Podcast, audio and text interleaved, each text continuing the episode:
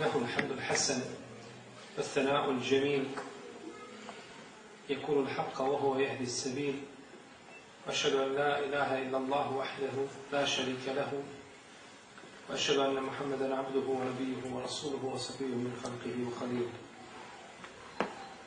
أما بعد فإن أصدق الكلام كلام الله تعالى خير الهدي هدي محمد صلى الله عليه وسلم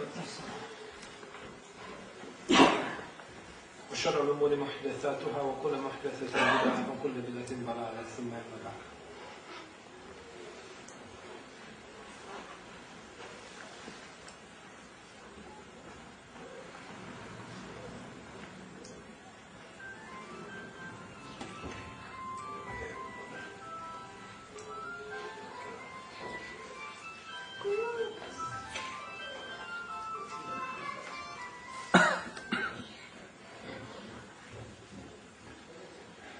Muslimanski umet danas se susreće sa brojnim problemima. Nemoguće ih je pobrojati, a još teže ih je liječiti. Većinu tih problema sa kojim se susreće naš umet nije lahko liječiti, već treba računati na duže staze i treba uložiti veliki trud da bi se ti problemi izliječili. Jedan od vidnih problema koji vlada među muslimanima jeste pitanje džehla, pitanje neznanja.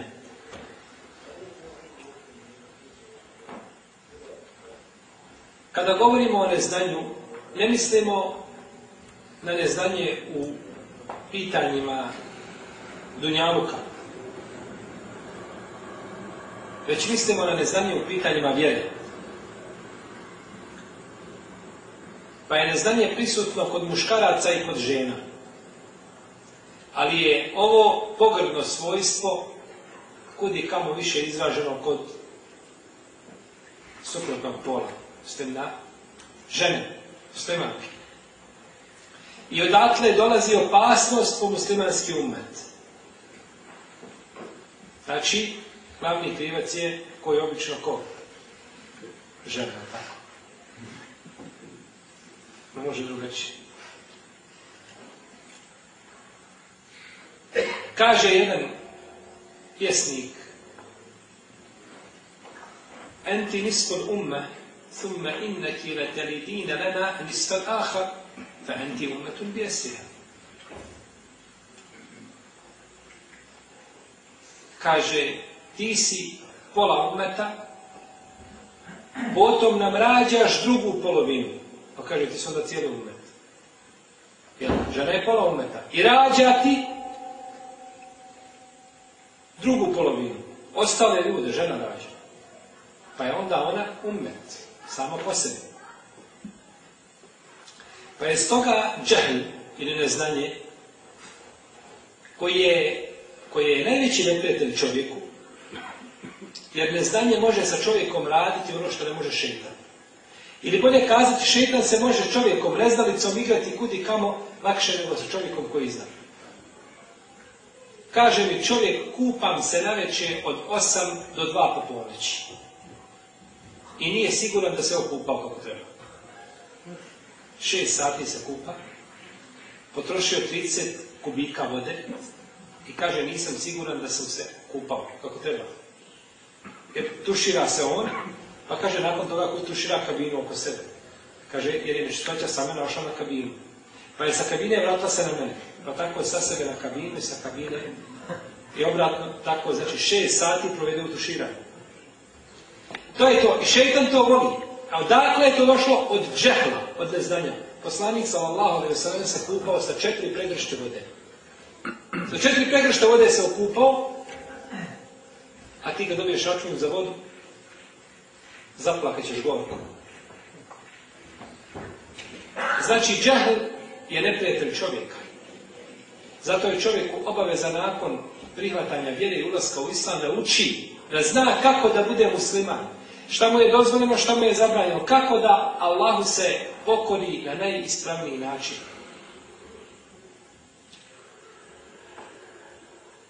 Pa žena koja nije odgojena i koja nema znanja, kako može odgojiti djecu? Kako će ih odgojiti? Kako da odgoji žensko dijete, kako da bude primjerna i uzorna supruga, a ona sama nije odgojena? Sa te šerijetske strane ili šerijetskog aspekta. Pa ne može sigurno ovaj žena koja ima te manjkavosti, ne može upotpuniti ono što od nje traži, a da ne govorimo o propalitetu od majke. Šta će ona ponuditi svom djetetu?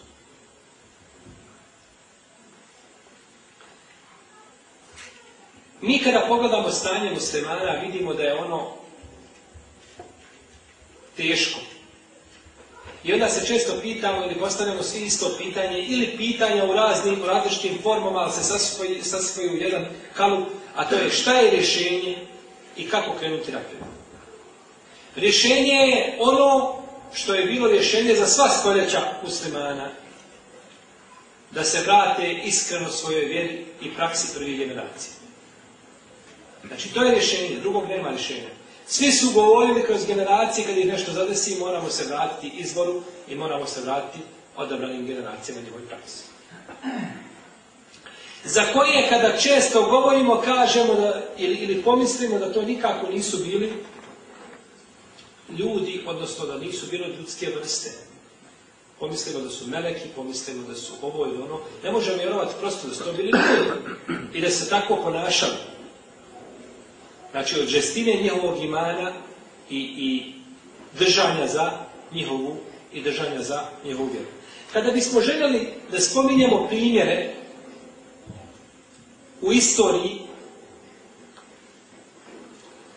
od žena koje su bile, znači, borci za Allahovu vjeru. I vjerujem da je takva jedna žena vrednija nego danas veliki broj muškaraca, oduljili bismo sa govorom, jer su takvi primjeri brojni i zapisale su i svjetle stranice islamske povijesti. No međutim, mi ćemo večeras samo spomenuti jedan primjer koji nam govori o požrtvovanosti muslimanke koja je nadahnuta nurom imana, svjetlom vjerovanja.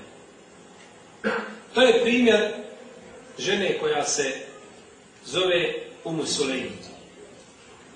Umu Ime joj je Rumejsa ili El gumejsa ili El ili Sehle ili Rumeisa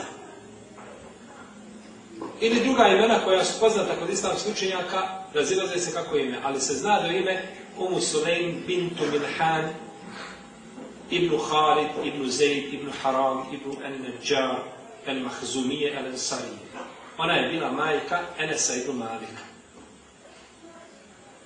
Pa nakon što je preselio otac Enesa ibn Malika, kada je izišao u Šam, ubili su ga oni e, razbojnici na putu, ostala je ona u Musulejmu dovica.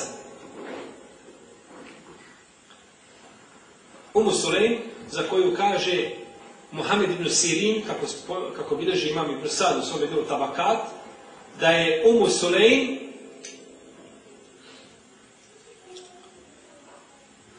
na dan bedra imala nož sa sobom i borila se. Nožem se borila. A došlo je drugoj predaji od Enesa, sa vjerodostojnim lancem prosilaca kod Ibn Sada u Tabakatul Kubra, da je Ebu Talha rekao poslaniku sallallahu alaihi sallam da dan Huneina, kaže Allah poslaniće, pogledaj, kaže robu Sulejm, drži nož u svojoj ruci, šta će joj to? Pa je kazala nam, ja Rasulallah, in dena minni mušrikun, bihi batne. Jeste, kaže Allah poslaniće, ako mi se kaže približi kakav mušrik, ja ću u stomak rasporiti svoj nožem. Pa kažemo da je ta žena vredila kao danas ketiva muslimana. Jer veliki je broj danas muslimana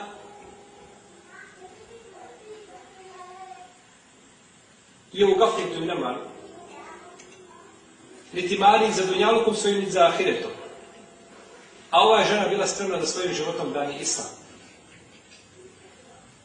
Pa je uzela na dan beda ili dan Honejna nož sa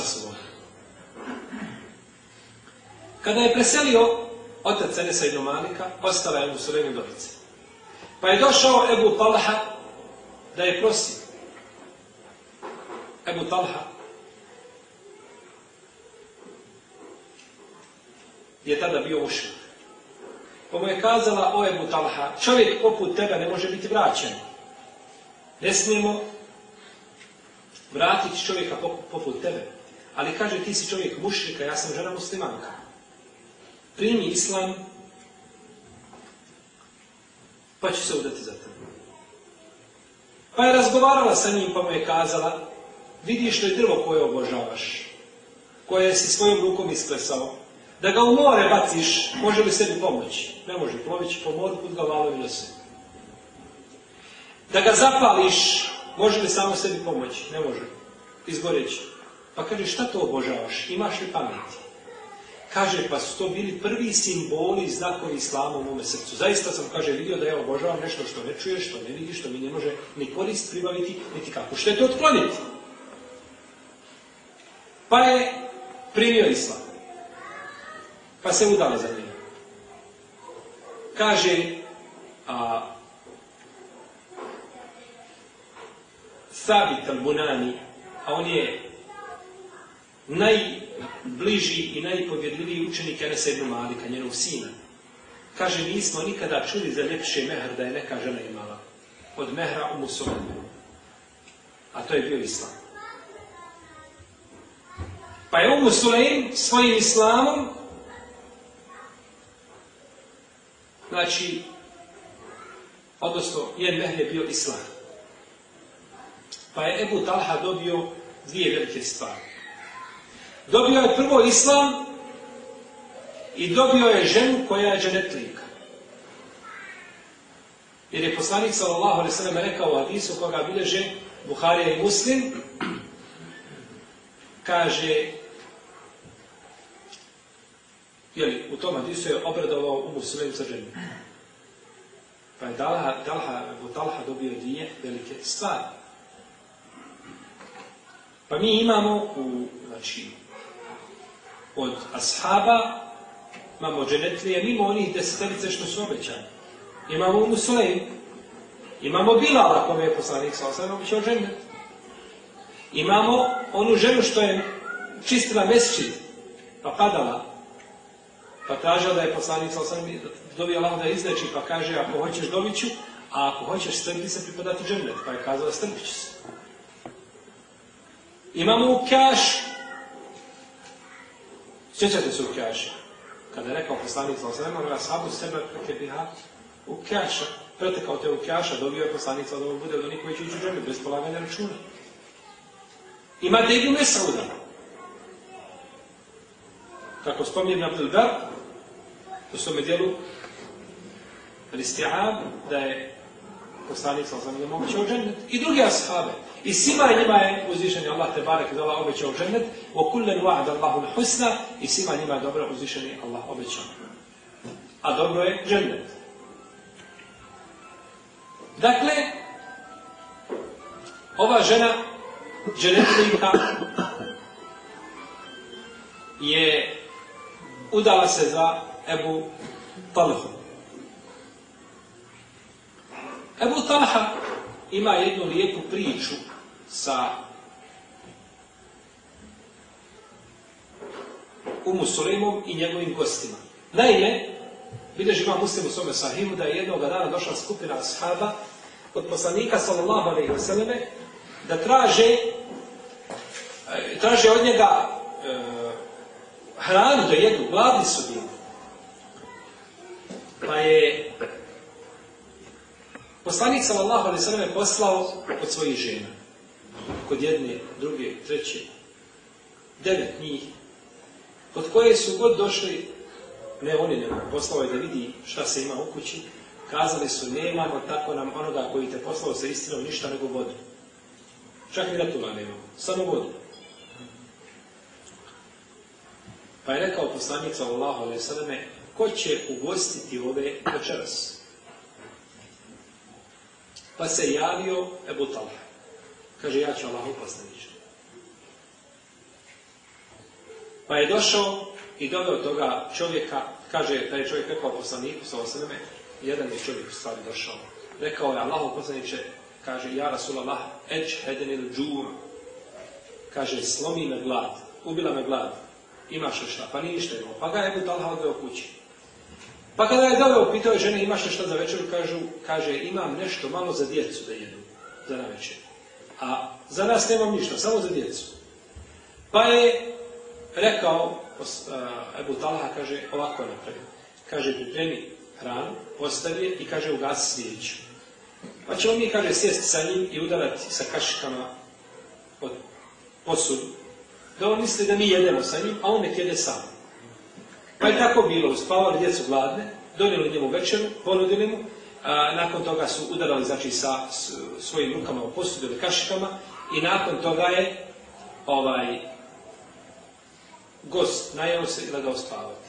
Kada su ujutru došli kod poslanika sallallahu alaihi vseleme, rekao je Allah se čudi vama dvoma i vašem postupku sa vašim gostom. Allah se čudi kako ste vas dvoje lijepo ove večeri postupili sa vašim gostom koji vam je, koji vam je došao.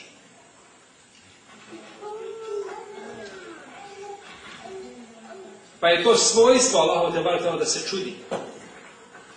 To je znači svojstvo jedno od njegovih te bar svojstava da se, da se čudi. U svakom slučaju Ebu Talha kada je oženio Umu Sulejm Dobio je sa njom dijete. Dobio je sina koga je jako volio.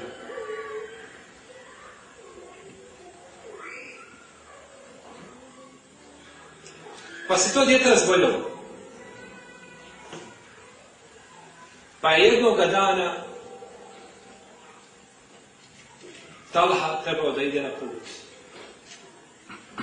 Kada je otišao, dijete je preselio. Kada je otišao, sin je preselio. Pa je ona pokrila dijete i kada se god Talha vratio, prvo što pita kad dolazi u kuću kako je mali, kako je dijete. Kaže, nije nikada bio mirniji od kako se razbolio. Rekla mu je dvosmislene riječi, jel tako? Nije bio mirniji, on mislio da se dijete umirilo, da je sad bolje. Pa mu je pripremila večer pa je jeo, potom mu se uljepšava, potom se desilo među njima ono što se dešava među supružnicima. I nakon toga kaže mu, oje šta misliš kada bi ljudi pozajmili od nekoga određenu stvar i onda ovi tražili da mu je vrate, imaju li pravo da uskrate Kaže Ebu Talha, nemaju nikako. Nemaju pravo da uskrati tu stvar. Kaže, o Ebu Talha, strpi se i očekuje nagradu kod Allaha, kaže, tvoj sin je preselio. Pa se Ebu Talha naljutio. Naljutio se i izišao iz kuće. Rekao je, inna lillahi wa inna ilaihi rađun i otišao iz kuće. Ebu Talaha se nije naljutio zato što je sin preselio. Nema pravo da se naljuti. Prvo Ebu Talaha zna Allaho kada je kakav je i da nema pravo da se protive Allahova za njegovom kadru. A druga stvar, Ebu Talaha je posvjedočio protiv sebe kada je rekao šta? Da nema pravo da uskrate pozadnjenu stvar. gdje je pozadnju. Pa nemaš pravo, znači to uskratiš. Pa je posvjedočio protiv sebe. No, međutim, Ebu Talha se ne ljutio prvo iz razloga što je žena šutala i ništa mu nije htjela kazati, dok nije, znači, prišao joj s jedne strane. I druga stvar, razljutio se Ebu Talha zato što nije na njoj vidio nikakve znakove žalosti. Ona je jednostavno ponašala se kao da se ništa nije desilo. Pa su to bila dva razloga koja se imala ljutila. Pa nije pričao ništa, nego je otišao do poslanika sallallahu sallam. Jer čovjek kada je u srđbi, kada je ljutit, šarijat traži od njega da šuti, da ne priča. Znači ne smije čovjek kada je ljut, ne smije pričati. Jer čovjek dok je ljut može kazati riječ koja će ga koštati cijelog života. Zato kaže poslanik sallallahu alejhi ve sellem u hadisu koga bilježi imam Ahmed ibn Abbasa kaže idza ghadiba ahadukum Kad se neko od vas razljuti, neka šuti, neka ne priča. Jer tada ne govori više njegov razum, nego govori jezik. Samo jezik priča. A jezik je opasan da priča bez razuma. Pa je čovjeku lijepo kada se naljuti da šuti i da ne priča. Pa je otišao Ebu Talha kod poslanika sallallahu alaihi sallame i rekao mu šta je bilo. Kaže, je li se desilo među vama šta ove večeri? Kaže, jeste vam poslaniče. Kaže, barek Allahu lekuma fi gaviri lejletikuma. Kaže, Allah vam učinio vašu proteklu ili prošlu noć blagoslovljenu. Pa je rodila sina, kada ga je rodila, kazala Enesu, Enese, svome sinu, nosi ga poslaniku sallallahu alaihi sallam i nemoj da iko ga dotakne prije Allahov poslanika alaihi sallam. Pa su došli sa njim, došao Enes sa njim kod poslanika sallallahu alaihi sallam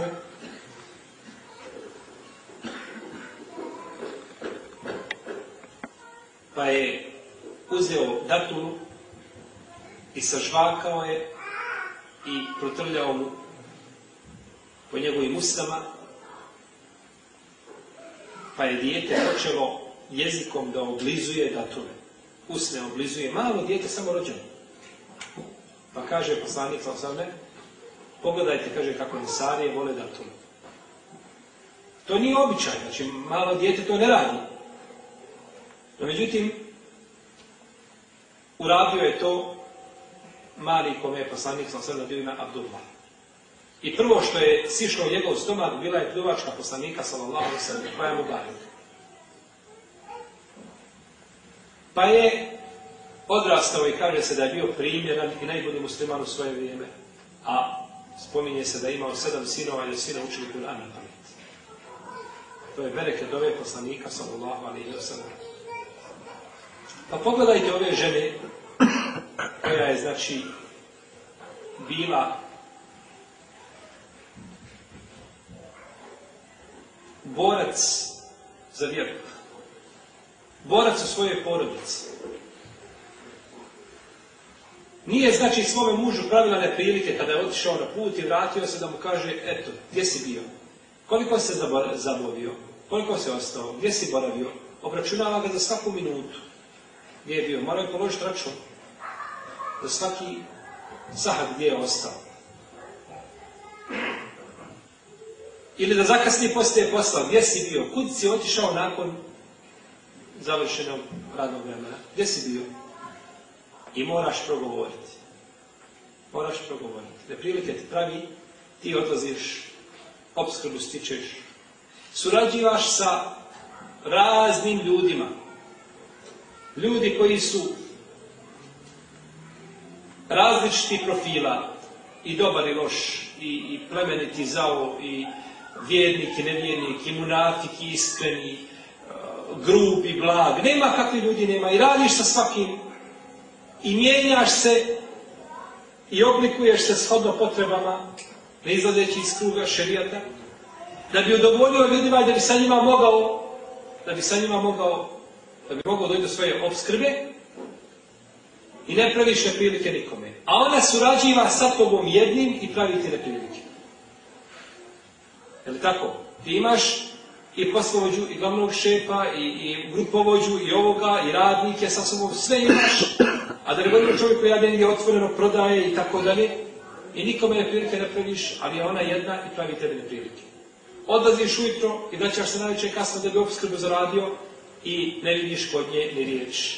Allah te ne to je pogrešno, to je pogrešno, to je, to je, to je, nezah, to je nezahvalnost za koju kaže poslanik sa osrem, nije zahvalan Allah kore ne zahvaljivanje ljudima. Zato je rekao Resulullah sallallahu sallam da će većina žena stanovnika u džahennemu da će biti žene. Kažu poslanik, kažu zašto Allah poslaniče? Kaže kfurne, Kaže, ne billah, kaže negiraju, šta kaže negiraju Allahu postojanje, u čine, ne kaže negiraju dobrotu koju muž čini. Negiraju tu dobrotu koju muž čini. Pa će zbog toga znači biti u, u Pa je zabranjeno negirati znači ono dobročinstvo koje su čini svojoj ženi.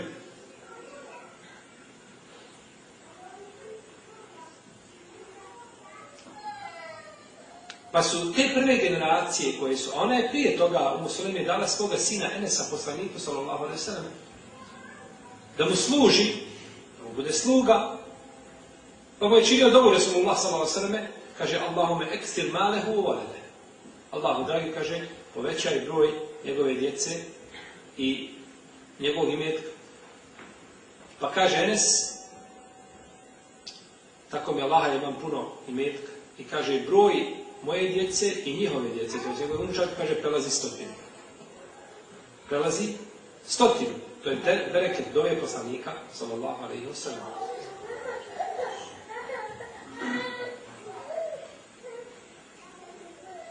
Pa je naš put ili naš način za prosperitet i uspje da učimo našu vjeru. Se obrazujemo vjerski i da primjenjujemo ono što čujemo. Ne bi čovjek smio doći na jedno predavanje, na druženje da ode napode i da ništa ne uzme novo i da ne primjeni.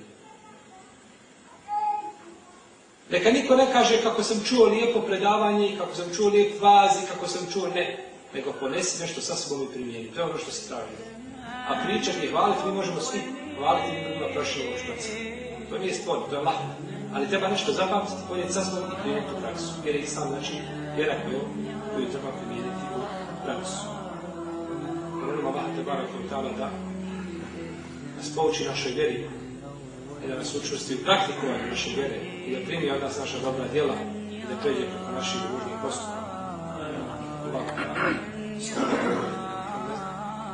Hvala